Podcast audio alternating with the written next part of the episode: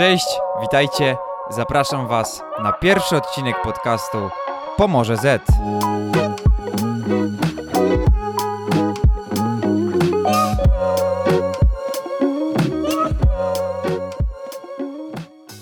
Amnesty International.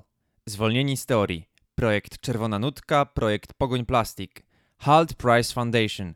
Młodzieżowy strajk klimatyczny, Młodzieżowa Rada Województwa Zachodniopomorskiego. Młodzi Demokraci, Samorząd Szkolny pierwszego Liceum, Stowarzyszenie Do Przodu oraz ostatnimi czasy Fundacja na Rzecz Praw Ucznia. Nie, nie wymieniłem teraz wszystkich organizacji non-profit działających w naszym mieście, a jedynie te, w których działalność jest bądź był zaangażowany mój dzisiejszy gość, jeden z najaktywniejszych społecznie młodych Szczecinian, Mateusz Gieryga. Cześć Mateusz. Cześć. Powiedz mi, jak znajdujesz na to wszystko czas?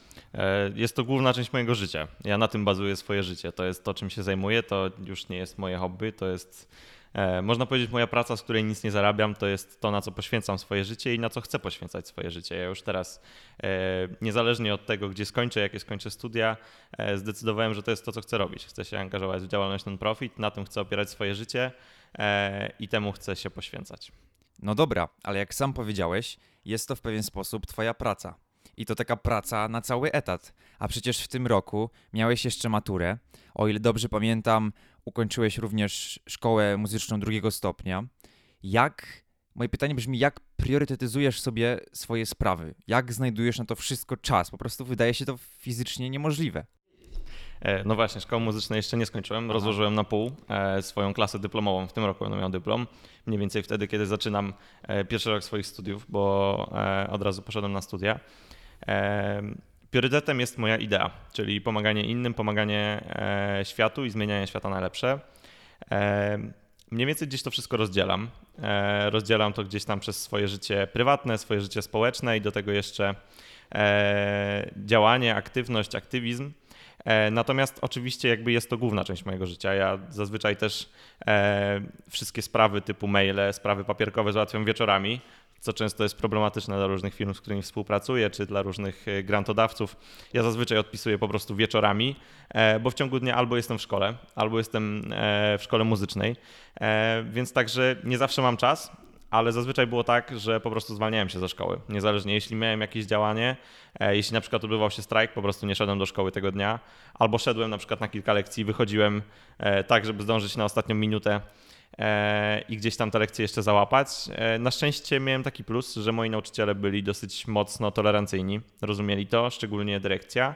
E, Rozumiała to, że działam, e, zazwyczaj to podziwiali i bardzo im to odpowiadało, więc e, też nie miałem takiego problemu. Wiem, że sporo osób ma problemy z tym, żeby się zwalniać ze szkoły. Były problemy szczególnie, kiedy strajk zaczynał swoją działalność, że w wielu szkołach po prostu e, uczniowie nie mogli wychodzić. Było im grożone, że dostaną gorsze oceny albo że nie zaliczy im się roku.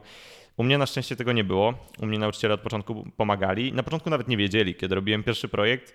e, Dyrekcja w ogóle szukała, kim ja jestem, bo to było w pierwszej klasie liceum. e, I szukała w momencie, To w którym. zaczęło się od zwolnionych teorii, tak? Tak, to się zaczęło od zwolnionych teorii e, i odkryli to, jak ja byłem w Warszawie na finale zwolnionych. Wtedy do mnie dzwoniła dyrekcja, zapytać, kim ja właściwie jestem i co ja właściwie robię i dlaczego jestem w Warszawie.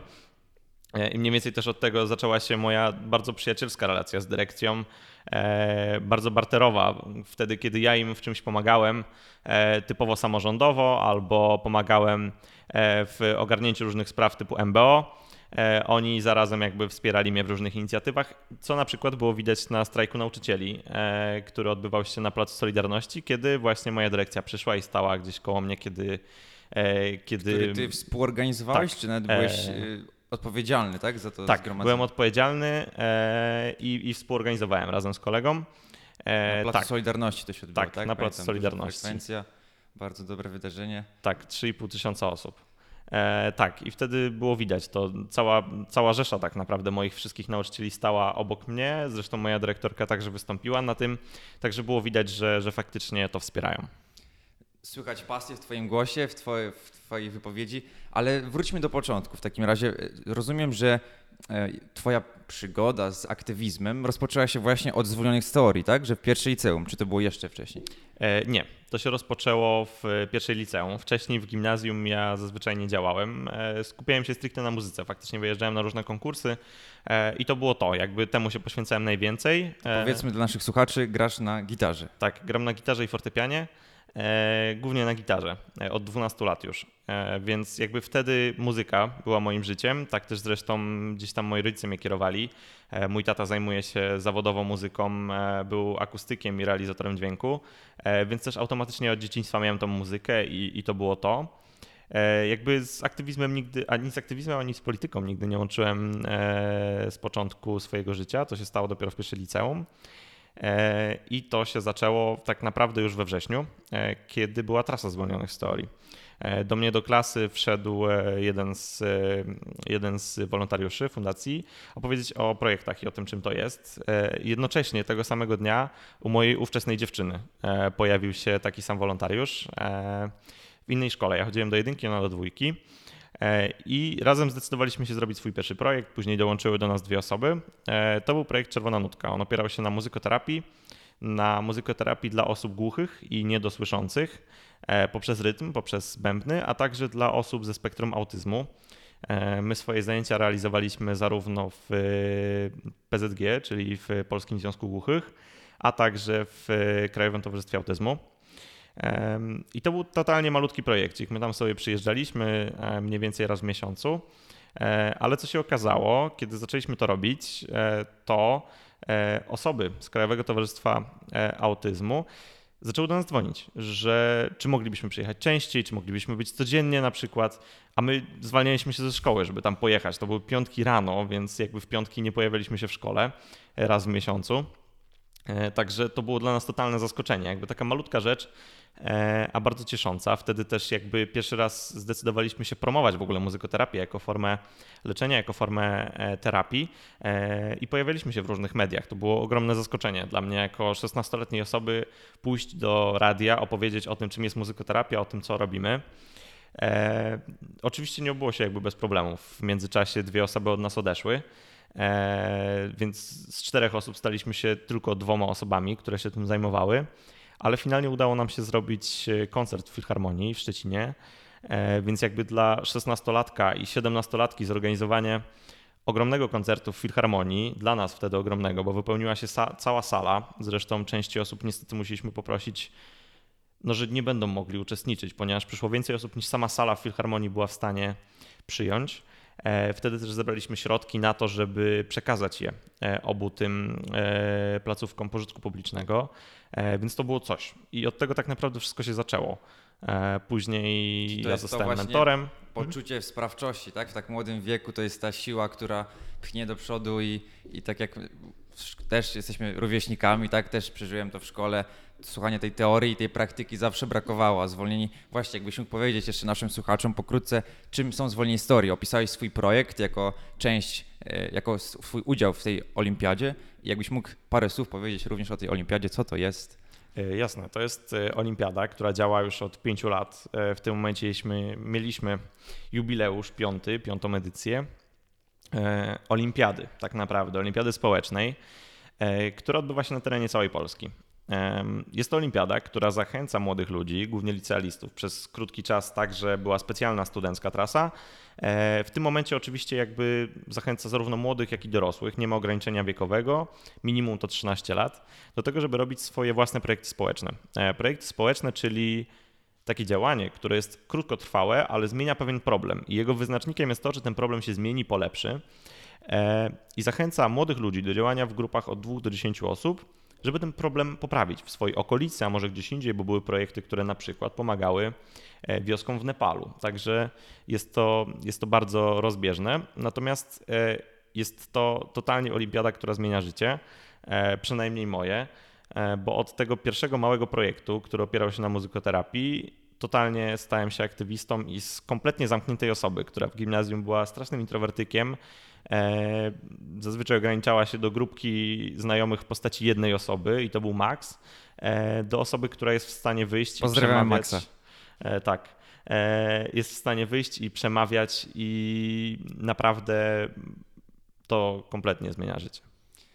To niesamowite, co mówisz, ale jakby właśnie, jakbyś mógł powiedzieć, jakby twoim zdaniem, co było tym czynnikiem decydującym, tą częścią tej olimpiady, że co, co zmieniło dokładnie twoje życie, jakby co, co, co takiego doświadczyłeś w, tej, w braniu udziału w tej olimpiadzie, że stałeś się kompletnie innym człowiekiem? Em, jakby tak naprawdę, kiedy zakładałem, że zrobię ten projekt, e, w małą ilość rzeczy wierzyłem. E, Jakby zwolnieni story, bo w zwolnionych dostajemy mentora, czyli osobę, która już ukończyła swój projekt i, i zachęca nas do, do robienia dalej. E, Nasza mentorka zachęcała nas do tego, żebyśmy wysłali maile do mediów, żebyśmy pisali tu, pisali tam, do takich sponsorów, do innych sponsorów.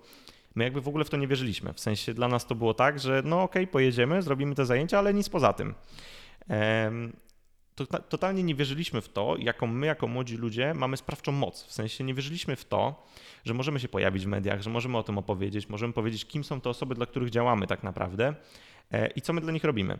Więc jedno to jest to, że ogromie ludzi, dla nas ogromie, pomogliśmy. Jakby przychodziliśmy gdzieś, gdzie te osoby chciały nas zobaczyć, chciały się z nami bawić i za każdym razem, kiedy przychodziliśmy, one się cieszyły, więc to jest już na starcie ogromna rzecz. A drugą rzeczą jest to, e, kiedy zauważa się, jaką ma się moc sprawczą, E, kiedy zauważa się, jak to e, potrafi zmienić świat dookoła. Że potrafimy nagle zorganizować koncert z niczego, za darmo, bez żadnych funduszy, bez żadnych sponsorów i wszyscy robią z nami wszystko za darmo. Wszyscy się angażują, wszyscy nam pomagają. Więc pokazuje to, że gdyby wszyscy nagle zaangażowali się, wszyscy, wszystkie młode osoby dookoła zaangażowały się w różne działalności społeczne, to nagle potrafilibyśmy stworzyć taki świat, jaki chcemy. Taki świat bez przemocy, świat, e, w którym ludzie pomagają ludziom, w którym ludzie szanują ludzi. Więc to jest to, co mnie napędza do działania, że zachęcając innych i pokazując, że można działać, ja nie dość, że zmieniam swój świat, to jeszcze pokazuję innym, że oni też mogą. Czyli uważasz wręcz, że jedyne, co nas trzyma przed tą utopijną wizją świata idealnego, to to, że ludzie mają za słabą wiarę w swoją sprawczość, że gdyby byli bardziej pewni siebie i chcieli działać i wierzyli, że mogą zmieniać swoje otoczenie, czyli w myśl tej zasady, że e, ja jeden sam nic nie zmienię, to gdyby wszyscy uważali, że każdy coś zmieni, to by to mogło przybliżyć nas do tego świata idealnego, tak? Ja w ogóle uważam, że jakby to, co się dzisiaj dzieje, w sensie różna przemoc i agresja, wynika z lęku. Tego, że my boimy się poznać, boimy się wyjść, boimy sprawdzić, więc tak samo to tutaj działa. Boimy się wyjść i zmienić coś dookoła siebie, boimy się poznać inne osoby, boimy się spotkać te osoby. My tak samo jak zaczynaliśmy, to tak naprawdę baliśmy się, jak to będzie e, pracować z osobami ze spektrum autyzmu. Nie wiedzieliśmy, z czym to się je, ale w momencie, w którym mieliśmy obok siebie terapeutów, którzy nam powiedzieli, pokazali, tłumaczyli, pilnowali, to automatycznie okazało się, że z nimi pracuje się świetnie, z nimi się świetnie bawi, z nimi można porozmawiać, można się pobawić. To są świetne osoby, więc ja uważam, że w ogóle to, co się dzieje dookoła nas, wynika po prostu z lęku, że boimy się poznawać osoby, boimy się wychodzić do tych osób, a także boimy się tak naprawdę spotkać tych ludzi, boimy się sprawdzić. A druga rzecz to jest to w kontekście zmiany świata dookoła siebie, boimy się po prostu spróbować. Ja też się bałem przy pierwszym projekcie e, i widzę to przy każdej osobie, bo ja teraz też jestem mentorem zwolnionych.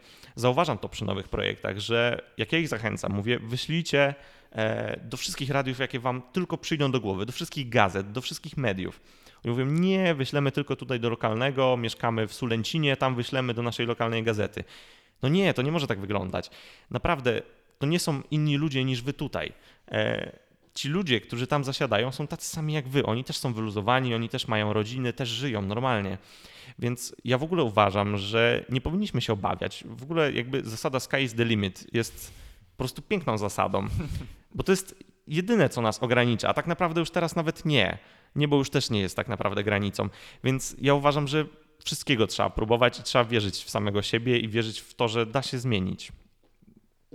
Podpisuję się pod wszystkim, co powiedziałeś.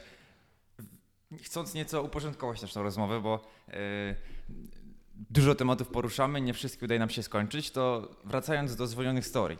Był projekt Czerwona Nutka, od tego się zaczęło, tak rozpocząłeś swoją przygodę z tą olimpiadą. Co było potem?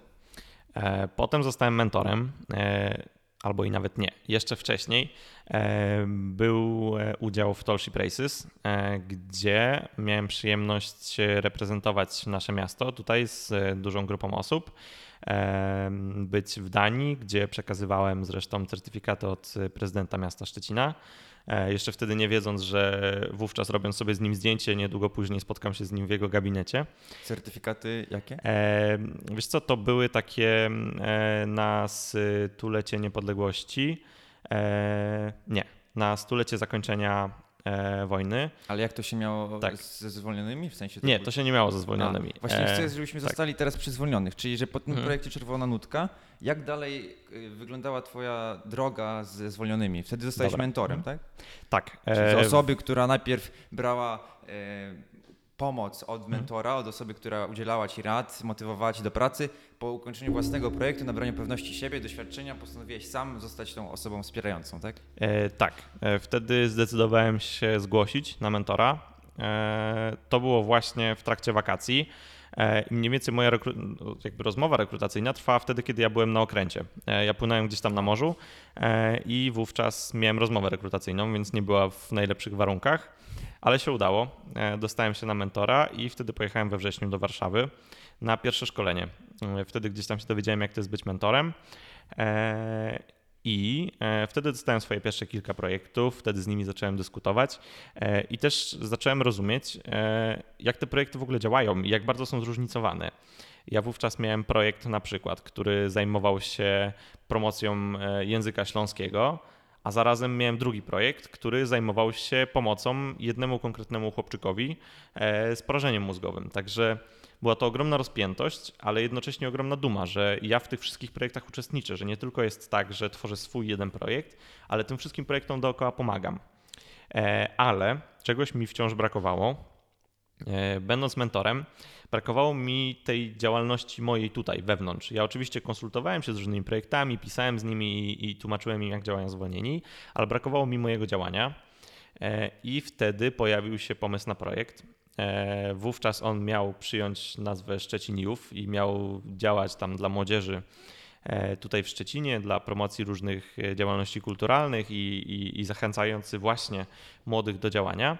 E, natomiast e, w pewnym momencie przerodził się w projekt e, z programu Coca-Coli w Pogoń Plastik. Projekt, który kompletnie jakby jeszcze bardziej odwrócił moje postrzeganie tego, co mogę zrobić, bo to właśnie na tym projekcie próbowałem. Wtedy zacząłem pisać do wszystkich możliwych mediów, zacząłem pisać do różnych sponsorów, do różnych organizacji i wtedy właśnie zrozumiałem, że, że faktycznie to nie jest takie trudne bo w Czerwonej Nutce gdzieś tam jednak ograniczaliśmy się do małej ilości. Trochę pomagała nam też e, mama mojej ówczesnej dziewczyny, e, która gdzieś tam te kontakty miała, więc też nam się wydawało, że wszystko, co osiągaliśmy, wynikało z tego, że to były kontakty. A okazało się przy projekcie, który już realizowałem faktycznie e, tylko z moimi znajomymi, że da się samemu, że nie potrzeba jakby kontaktów osób dorosłych, że możemy to zrobić samemu w 8 osób, możemy zrobić świetny projekt E, i, i że może on fajnie wyjść. Mhm. E, rewelacyjny projekt Pogoń Plastik, jeden z moich ulubionych, szczerze, szczerze powiedziawszy. I mówiąc nieskromnie, oczywiście ty możesz powiedzieć nieskromnie, że otrzymaliście nagrodę Złotego Wilka za ten projekt, za najlepszy projekt społeczny w Polsce, tak? E, tak, my otrzymaliśmy za najlepsze wydarzenie publiczne w 2019 roku, a także nagrodę główną Coca-Coli. E, dzięki której mogliśmy ufundować pracownię drukarni 3D, która stoi u nas już w Szczecinie w e, pierwszym liceum. E, tak. I ostatnimi czasy, bo oczywiście nadal ten projekt funkcjonuje, działa, tak. nie zamknęliście go i Bosman dla regionu, tak? Tak. Otrzymaliście grant na realizację jakiego projektu? Tak, otrzymaliśmy granta 25 tysięcy złotych na realizację koszy do zbiórki nakrętek, koszy miejskich w kształcie serca. E, które staną w Szczecinie. Sześć koszy stanie w Szczecinie i pięć koszy w A naszym regionie. Kiedy? E, tak, już wiemy. Za dwa tygodnie staną e, kosze w Szczecinie. Wspaniale. I będzie to... wasze logo, będzie można rozpoznać, że Pogoń Plastik dokonało tego dzieła? Nie, loga prawdopodobnie nie będzie, a przynajmniej nie na razie. Na razie będą same kosze, bo uważamy, że też liczy się cel, a nie tylko nasze logo. E, może być tak, że pojawi się herb Szczecina, może być tak, że pojawią się herby miast.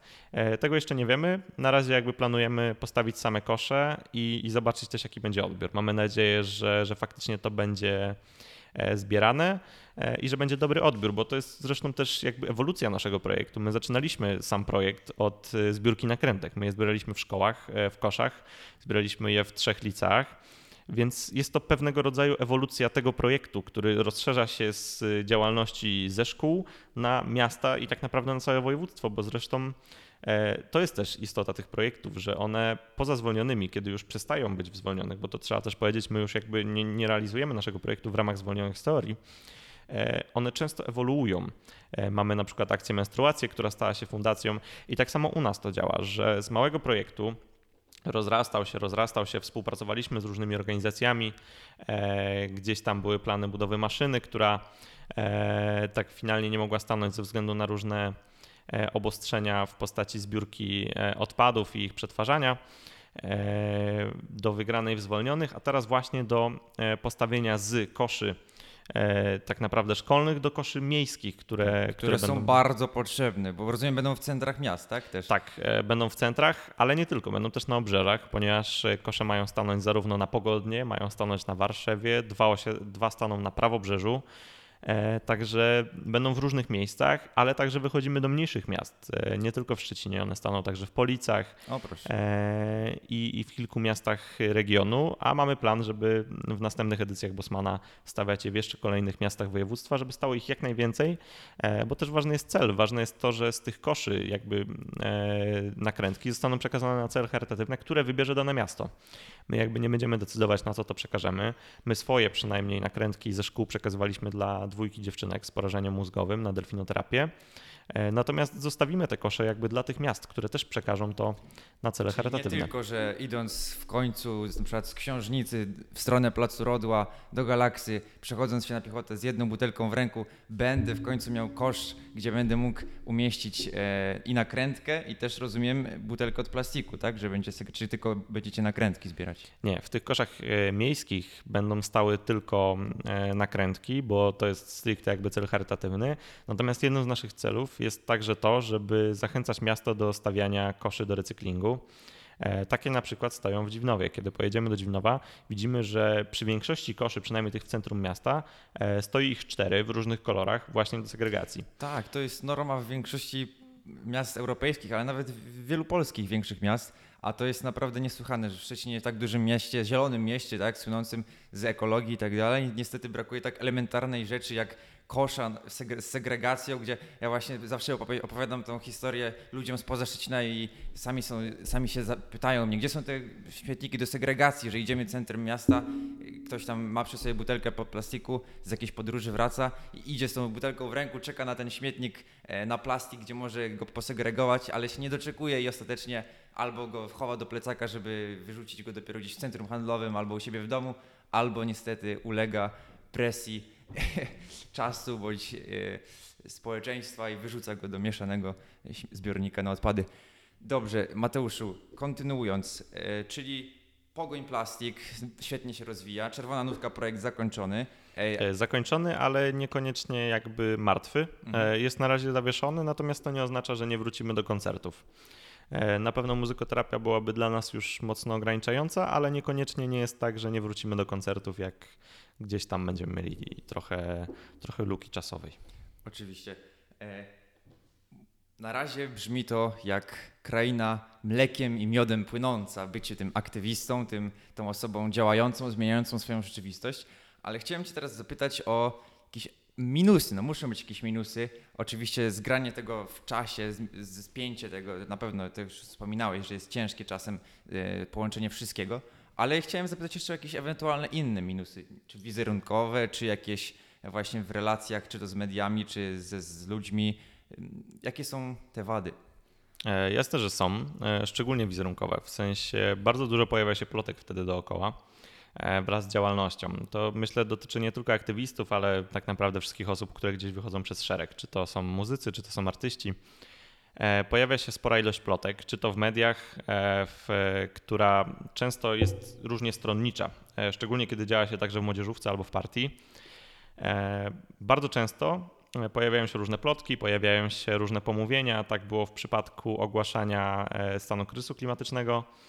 E, gdzie gdzieś tam łączono moją działalność e, polityczną z działalnością aktywistyczną, którą ja zawsze staram się oddzielać i, i pokazywać, że jedno to jest jedno, drugie to jest drugie. E, ale jednocześnie pojawia się też sporo plotek gdzieś tam dookoła. W momencie, w którym wchodzi się na jakąś imprezę, od razu różne osoby mają zdanie na twój temat wyrobione, bo gdzieś cię skądś kojarzą albo kojarzą jakieś plotki. Więc faktycznie tak jest. E, w moim przypadku było sporo plotek dotyczących plastiku i pogoń plastik. Były jakieś takie bardzo głupie plotki w postaci, że ktoś widział mnie z plastikową butelką, jak ją wyrzucałem do kosza. No jakby jest sporo takich bardzo głupich, ale ludzie jakby bardzo łatwo w nie wierzą. E, to są takie plotki w stylu nie mówił dzień dobry na klatce schodowej. Więc jakby to są głupie rzeczy, ale jak jest ich sporo, to faktycznie robi się z tego jakiś minus.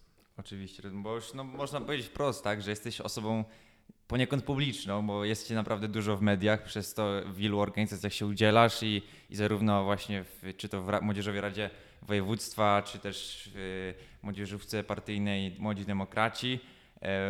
Chciałbym Ciebie jeszcze zapytać a propos tego oddzielania właśnie tej działalności Twojej w NGO-sach od e, tej w partiach, młodzieżówkach partyjnych. E, kiedy postanowiłeś również e, zacząć się angażować już stricte w politykę, tak? Przybrać ten emblemat partyjny i poniekąd wchodzić w te szeregi, działać tam. Dlaczego mówisz, że swoją pasją, przyszłością jest działanie na rzecz NGO-sów, działanie w fundacjach i tak dalej? Dlaczego polityka? To się stało mniej więcej gdzieś po kilku miesiącach działalności w strajku klimatycznym e, i w połowie działania Pogoń Plastik, czyli na początku 2019. E, to się stało dlatego, e, że zrozumiałem, że polityka ma wpływ na nas wszystkich dookoła. Zrozumiałem, że jedno to jest to, że oczywiście działamy sobie w NGO-sach i jakby staramy się zmieniać, natomiast polityka ma ogromny wpływ. E, i działalność razem z politykami, a nie zawsze przeciwko nim, e, też ma spory sens.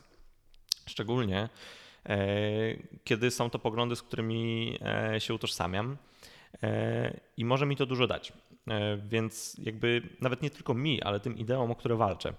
Więc też dlatego się w to zaangażowałem, bo nie dość, że w to wierzę, jakby są to moje poglądy, to też pomaga mi to w realizacji wielu celów.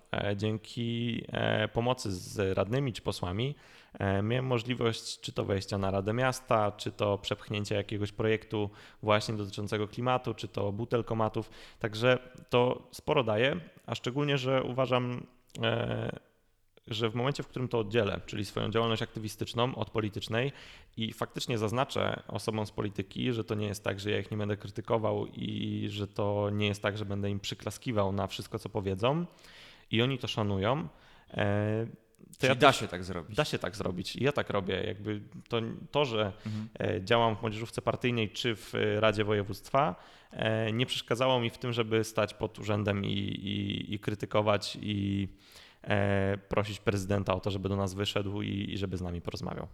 Rozumiem, rozumiem. Mm, czyli wracając jeszcze, już możemy powiedzieć, że temat zwolnionych historii zamknięty o, w politykę już wchodzić nie będziemy. Wszystkiego nie, da, nie damy rady dzisiaj poruszyć, każdego tematu Twojej działalności, bo nie starczy nam dnia i nocy zapewne.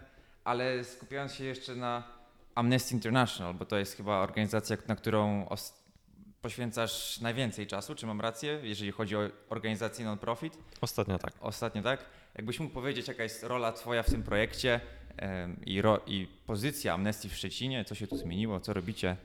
E, tak, ja koordynuję Amnesty od dwóch lat, e, prawie, niecałych. E, teraz zacznie się moja druga kadencja po wyborach. Jako przewodniczącego. Tak, jako przewodniczącego, dokładnie koordynatora grupy lokalnej tutaj, którą tak naprawdę reaktywowaliśmy w zeszłym roku po pięciu latach jej niedziałalności. Od 2015 roku grupa szczecińska była zawieszona, po prostu nie działała. Dziewczyny, które wcześniej działały, gdzieś tam się rozjechały, pokończyły już studia i E, tak naprawdę nie miały czasu się angażować, e, więc my zdecydowaliśmy się w trzy osoby e, reaktywować tą grupę. E, skontaktować się z e, Warszawą, z zarządem warszawskim o to, że chcielibyśmy to zrobić, bo brakowało nam trochę organizacji, która zajmuje się stricte prawami człowieka tutaj. Mieliśmy Refugees Szczecin, które zajmowało się prawami imigrantów, mamy Lambdę, która zajmuje się osobami LGBT, ale nie mieliśmy jakby organizacji, która zajmuje się totalnie prawami człowieka e, i zajmuje się walką o te prawa człowieka. I wtedy gdzieś tam zdecydowaliśmy się w to zaangażować, w to wejść i ruszyć tą grupę od nowa. W tym momencie tak naprawdę grupa liczy już 20 parę osób, więc jest to spora liczba jak na, na organizację, która działa od lekko ponad roku. E, więc myślę, że sporo się zmieniło. Zorganizowaliśmy maraton pisania listów, czyli taką główną akcję, która tak naprawdę w ogóle powstała w Polsce, e, a odbywa się na całym świecie. Udało nam się napisać ponad 250 listów, czyli dosyć sporo jak na Naprawdę grupę. tego nie wiedziałem, że tak. maraton pisania listów został zapoczątkowany w Polsce, tak? Tak, został zapoczątkowany wow. w Polsce już dawno, dawno temu, już 15 lat temu. E, tak, został zapoczątkowany w Polsce. E, no i właśnie my tutaj tak naprawdę to była nasza pierwsza spora akcja, bo my zaczęliśmy działać gdzieś w październiku, a w grudniu już odbywał się maraton pisania listów i udało nam się ich napisać ponad 250, co jest myślę sporą liczbą jak na grupę, która bardzo krótko działa. E, pojawiło się sporo mediów, sporo osób o nas pisało, więc e, dało to spory wydźwięk, szczególnie, że pokazało to, jak młode osoby faktycznie potrzebują organizacji, która działa na rzecz praw człowieka Jakbyś mógł pokrótce powiedzieć, e, o co chodzi w tym pisaniu listów, że to nie było tak, że pisaliśmy do siebie, czy, czy wysyłaliśmy list do Mikołaja, tylko w jakimś konkretnym celu. I czy jakbyś mógł powiedzieć też o jakichś przykładach akcji, gdzie to pisanie listów e, wstawienniczych faktycznie przyniosło jakiś rezultat. E, tak, to jest w ogóle czołowa akcja Amnesty, która polega na pisaniu około 10, do 10 różnych e, osób listów na całym świecie. E, w tym roku pisaliśmy mniej więcej do młodych osób, taki był też cel. Piszemy je do 10 różnych państw, do rządów e, państw, które niesprawiedliwie traktują ludzi, nie przestrzegają praw człowieka. E, taką sytuację mieliśmy z mniejszością w Kanadzie, gdzie pisaliśmy do, do rządów o sprawiedliwe traktowanie młodych ludzi. Zresztą to jest w ogóle tak, e, że mamy sporo przypadków. Trudno mówić, że dzięki jakby samemu amnesty, no bo to oczywiście jakby jest mocno symboliczna akcja pokazująca solidarność, pisanie listów. Natomiast oczywiście mamy sporo różnych sytuacji, w których po kilku latach udaje się tę osobę wypuścić. E, więc... Czyli przede wszystkim, że to pisanie taki media huczą, tak, że kilkaset tak. tysięcy listów z całego świata zostało wysłanych na rzecz jakiejś tam sprawy y, nieposzanowania praw jakiejś osoby, jakiejś mniejszości, tak, i przez to to w mediach się nagłaśnia, kumuluje i nie, ten, ten, temat cały czas jest na topie i przez to cały czas jednak ten dany polityk, czy rząd, czy jakiś organ władzy odczuwa to, to piętno i, i wie, że nie jest bezkarny. Tak? tak, tu chodzi totalnie o akcję solidarnościową i akcję medialną, pokazującą to, co się dzieje. E, bardzo często jakby sprawy łamania praw człowieka przechodzą bez eka. To mieliśmy zresztą ostatnio na przykład e, w Tongu, w momencie, w którym dziennikarze zostali ograniczeni do tego, że nie mogą krytykować władzy. E, I to przeszło bez echa, ponieważ prawo zostało wprowadzone w maju, a dopiero teraz sami dziennikarze zorientowali się, że coś takiego istnieje. Teraz, w sierpniu, pod koniec sierpnia. E, więc bardzo często jest tak, że kwestie łamania praw człowieka e, po prostu nie są nagłaśniane, nie widać ich. E, szczególnie dla nas, na przykład dla polskich czytelników, e, bardzo często to w ogóle nie dociera. E, I po to właśnie jest ta akcja, po to, żeby pokazać to, co się dzieje, pokazać władzy, że nie jest bezkarna, że to, że zatrzymują kogoś bez wyroku, że przetrzymują w areszcie po kilka miesięcy, nie może mieć miejsca. Po to właśnie są te akcje. Mieliśmy wiele sytuacji, na przykład w Pakistanie, w których udało się kobietę uwolnić po dwóch latach.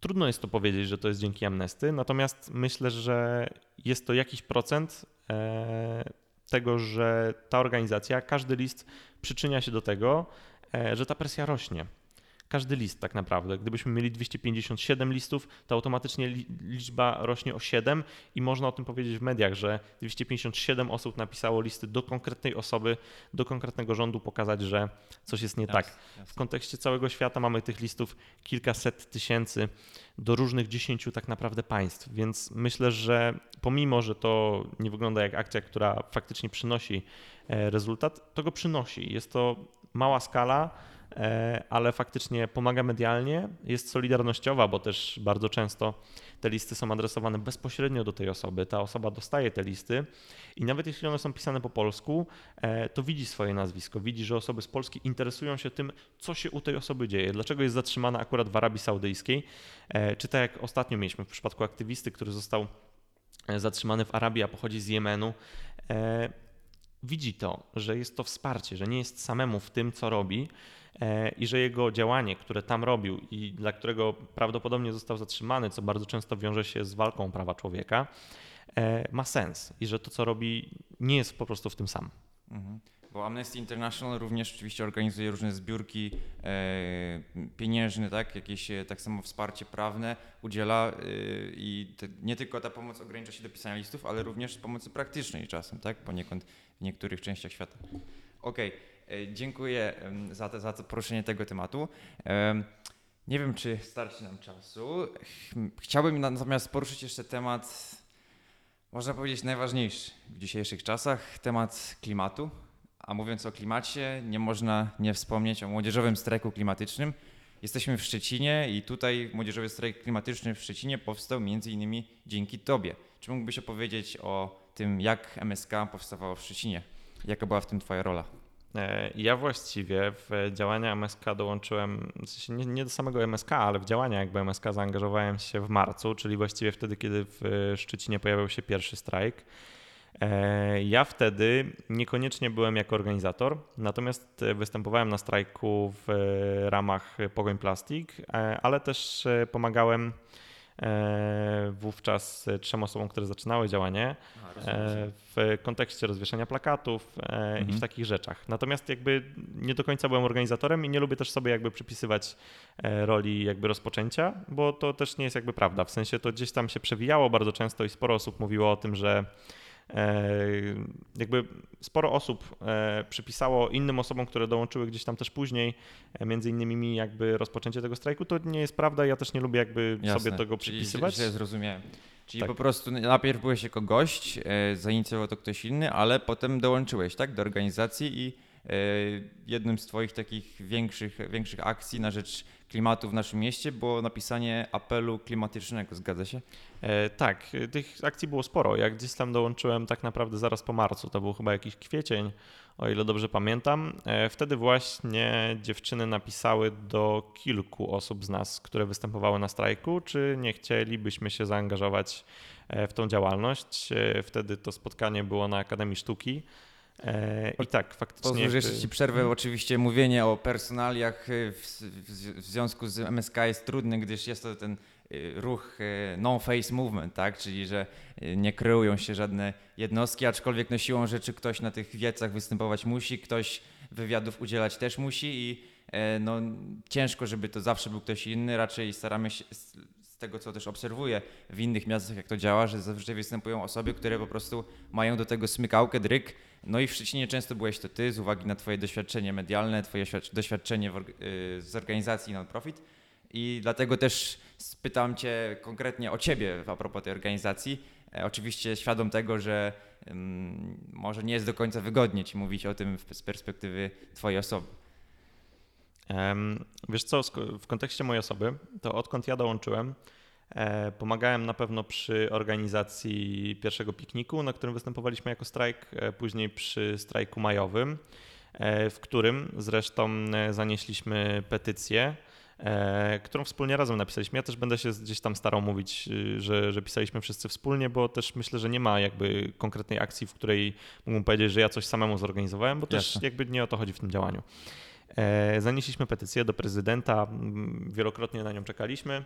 E, później też e, zresztą angażowałem się w wakacyjny strajk klimatyczny, e, który zapoczątkowała u nas Natalka, która mieszka na co dzień w Anglii, ale pochodzi ze Szczecina.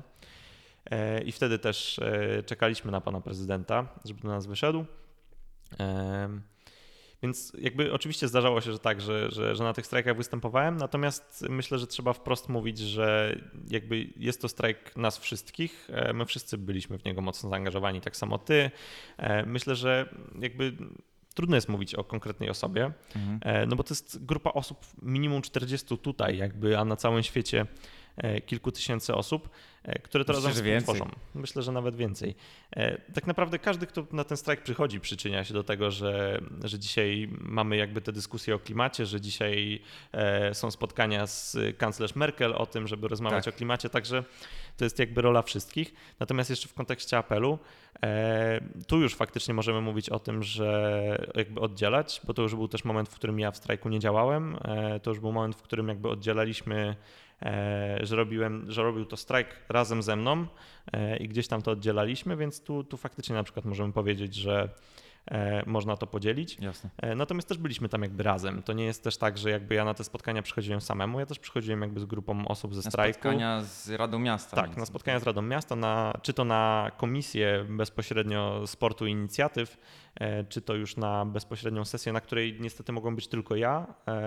W sensie tylko ja chciałem zabrać głos, żeby też nie było, że E, że znowu ja się pojawiam tylko. E, natomiast e, mogły zabrać dwie osoby głos. Nikt się niestety więcej nie zgłosił, ale, ale też jakby przez to, że była doba koronawirusa, to wszystko się odbywało online, więc też więcej osób nie mogło być obecnych bezpośrednio, ale też wiem, że, że, że faktycznie się wzajemnie wspieraliśmy i to wszystko, była to wszystko to było wspólne działanie.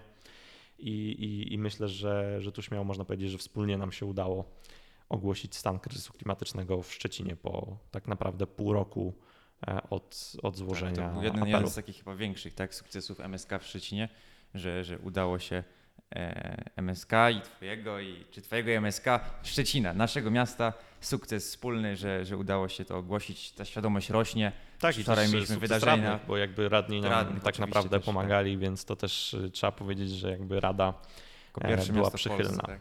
E, nie, Szczecin nie był pierwszym miastem w Polsce. A, My się zresztą inspirowaliśmy trochę Wrocławiem, Krakowem, Warszawą. A, faktycznie. Także faktycznie. To, to było kilka miast y, przed nami, ale, ale, ale na pewno. Ale wyprzedziliśmy Warszawę. E, chyba też nie. Chyba nie? Ach. Chyba też nie. Na nie pewno Wrocławia nie wyprzedziliśmy i na pewno Krakowa nie wyprzedziliśmy. Co do Warszawy, to jeszcze zrobimy fakt check info. Ale dobra. Tak. Y, zostawiając MSK, niestety ważny temat, ale jak już wspomniałem, czas jest ograniczony. Y, mówiliśmy o, mówiłeś o, tych, o tej twojej pasji do akty, bycia aktywistą, do pomagania, zmieniania swojego otoczenia. Powiedziałeś trochę o minusach. Jeszcze tak podkreślając, uwypuklając te plusy, jakbyś mógł powiedzieć, oprócz tego, tego poczucia takiej satysfakcji, że, że coś działasz, zmieniasz, tak mówiąc wprost o tych plusach, żeby poniekąd zachęcić może naszych słuchaczy do faktycznie zmieniania, poświęcania swojego czasu na rzecz innych, na rzecz działania w NGO-sach. Co ty doświadczyłeś jeszcze takiego, co dodało no, tych dodatkowych wartości, które, które wniosłeś z bycia aktywistą? E, poza jakby samą tą e, ideą i tym, że, że faktycznie zmienia się to środowisko i to widać jakby od razu w kontekście różnych działań, to też przychodzi duża ilość jakby wspaniałych ludzi, których się poznaje. Na przykład w kontekście strajku to jest tak, że w momencie, w którym działa się razem wspólnie, to poznaje się 40 wspaniałych osób, e, które też chcą działać, które też chcą zmieniać ten świat, więc poznaje się ludzi, którzy także działają dla idei, którzy są w tym, którzy robią to dlatego, że chcą, dlatego, że w to wierzą, więc poznaje się ludzi, którzy faktycznie są temu oddani, oddani tej idei. I to są wspaniałe osoby. To są osoby, które w to wierzą, które chcą to robić, które wiedzą, co robią, bo bardzo często interesują się tym tematem. I to są też wspaniałe rozmowy. E, w momencie, w którym dyskutuje się na wspólny temat, czy to polityczny, czy to związany z klimatem, czy z ekologią, e, jest to naprawdę fajna dyskusja. To nie jest jakby jałowa dyskusja na temat pogody, tylko faktycznie dyskutujecie na argumenty, na fakty o tym, co się dzieje. E, I to bardzo zmienia postrzeganie człowieka o tym, co się dzieje na świecie, bo widać, że młodzi ludzie, młode osoby faktycznie się tym interesują.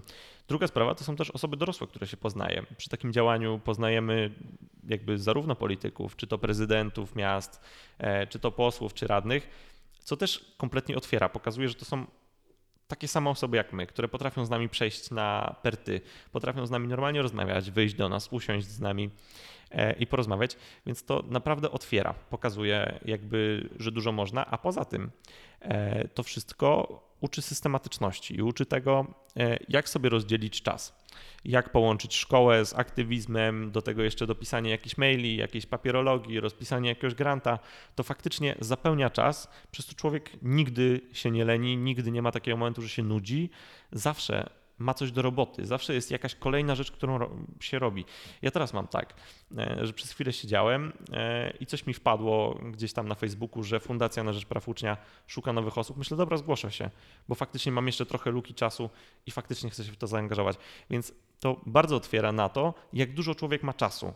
Ja kompletnie nie potrafię się nudzić. W momencie, w którym się nudzę, to otwieram Wikipedię i tam piszę jakieś artykuły, których brakuje w języku polskim. Więc faktycznie szukam zawsze działania, które mogę sobie jeszcze narzucić, żeby zrobić coś jeszcze dla innych osób i, i jeszcze coś do tego wszystkiego dołożyć. Czyli nigdy się nie nudzisz, uczysz się praktycznych umiejętności, z- poszerzasz swoją własną bazę kontaktów, którą potem możesz wykorzystywać w dalszych projektach, w, czy to może w przyszłości zawodowej. E, Do tego oczywiście mm, nabierasz już doświadczenia z występowania w mediach, tak? czyli rozwijasz swoje umiejętności miękkie. No i wiadomo, tak staram się to e, podsumowywać, bo wiem, że jesteśmy w Polsce, to się nie, ludzie nie lubią chwalić, nawet, nawet aktywiści, e, dlatego trochę cię wyręczam. Oczywiście jeszcze, no, kto by nie chciał mieć w CV tylu organizacji, co ty masz, myślę, że nie jedna uczelnia e, od razu w ciemno brałaby takie osoby tak aktywne, no, szczególnie zagraniczne, uczelnie zagraniczne, nie oszukujmy się, ale to jest na pewno dodatkowa wartość. Wspaniale, wspaniale. Jeszcze kończąc Mateuszu, bo już czas naprawdę, naprawdę dobiega końca. Jakbyś mógł w kilku słowach zachęcić naszych słuchaczy, powiedzieć e, również może jakieś słowo motywacji, e, działajcie, dlaczego, co mogą robić, coś do naszych słuchaczy, jakbyś mógł powiedzieć. E, Tak, jeszcze zachęcę, ale odnosząc się trochę do Twoich słów, dlaczego nie chcą się chwalić. E, Myślę, że dlatego, że to nigdy nie jest sukces jednostkowy. Ja oczywiście gdzieś też w pewnym momencie uderzyła mi woda sodowa do głowy i też faktycznie myślałem, że to wszystko jest dzięki mnie. Ale to wynika, to, że aktywiści nie chcą się chwalić, wynika z prostego faktu, bo to nigdy nie jest jakby sukces jednostkowy. Trudno jest mówić, że ja coś zrobiłem, ja coś zmieniłem, to jest dzięki mnie.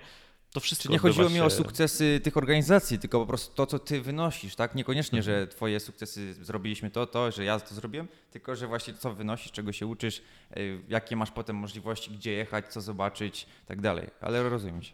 No jasne.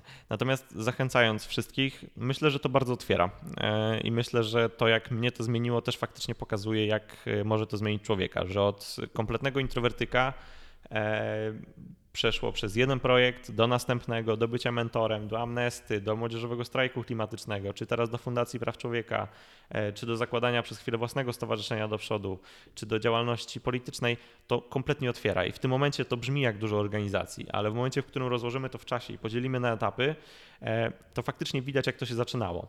Od y, osoby, która grała na gitarze, kompletnego introwertyka, przez wszystkie organizacje, to kompletnie otwiera.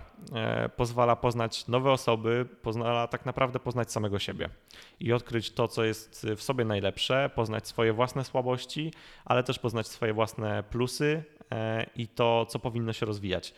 Ale tak naprawdę najważniejsze, co z tego wszystkiego się wynosi, to jest właśnie ta idea. I to, jak się zauważa, że to zmienia. Tak jak my zauważyliśmy przy pierwszym projekcie e, z y, moją wczesną dziewczyną, że bycie przy grupie 10 osób ze spektrum autyzmu powoduje to, że e, terapeuci dzwonią do nas co drugi dzień, pytać, czy moglibyśmy tego dnia przyjść, bo dzieci faktycznie chcą, żebyśmy przyszli. E, Czy to poprzez e, młodzieżowy strajk klimatyczny, gdzie wspólnie szliśmy w grupie tysiąca osób na marszu po to, żeby zaapelować do władz o ten klimat, o walkę o klimat i pokazuje to realne działania. To, że teraz mamy Ministerstwo Klimatu, niezależnie jak je oceniamy, e, to, że faktycznie na e, komisjach Unii Europejskiej faktycznie Że jest MSK poruszana. w Polsce stało się takim brandem, które partie chcą mieć u siebie, prawda? Tak, że jesteśmy- dokładnie. Że politycy sami do nas wychodzą, że chcą i że widać, że to potrzebują. To pokazuje tą siłę, że oni chcą usiąść. Że jesteśmy słyszalni, tak. Tak, dokładnie. Więc jakby to daje ogromnego kopa energii, kiedy widzi się, ile jest jeszcze do zrobienia i kiedy po każdym następnym działaniu widzi się, że już przychodzi następne. E, tak kiedyś zresztą powiedział. E, Perpetuum mobile. Po pierwszym udanym projekcie już kolejne samonakręcająca się energia do przodu, do przodu, do przodu, niczym nazwa twojego stowarzyszenia. tak, dokładnie. Dziękuję ci bardzo za tę rozmowę. Czy w razie czego, gdyby ktoś z naszych słuchaczy chciał się ciebie coś dopytać albo zaproponować współpracę, może śmiało pisać na Facebooku, czy gdzie, jak się z tobą skontaktować? E, Śmiało, można na Facebooku, można na Instagramie, gdziekolwiek, śmiało pisać od razu na ty. Ja nie jestem żadnym panem, ja to mówię każdej dorosłej nawet osobie, pisać bezpośrednio i Super, nawet z super. pojedynczym pi- pytaniem. W takim razie mam nadzieję, że po emisji tego odcinka jakaś nowa relacja zostanie nawiązana pomiędzy tobą a jednym z naszych słuchaczy bądź słuchaczek. A kto wie, może i powstanie jakiś nowy projekt społeczny. Mateuszu, dziękuję Ci bardzo za tę rozmowę, za poświęcony czas i życzę powodzenia w realizacji dalszych projektów. Dzięki.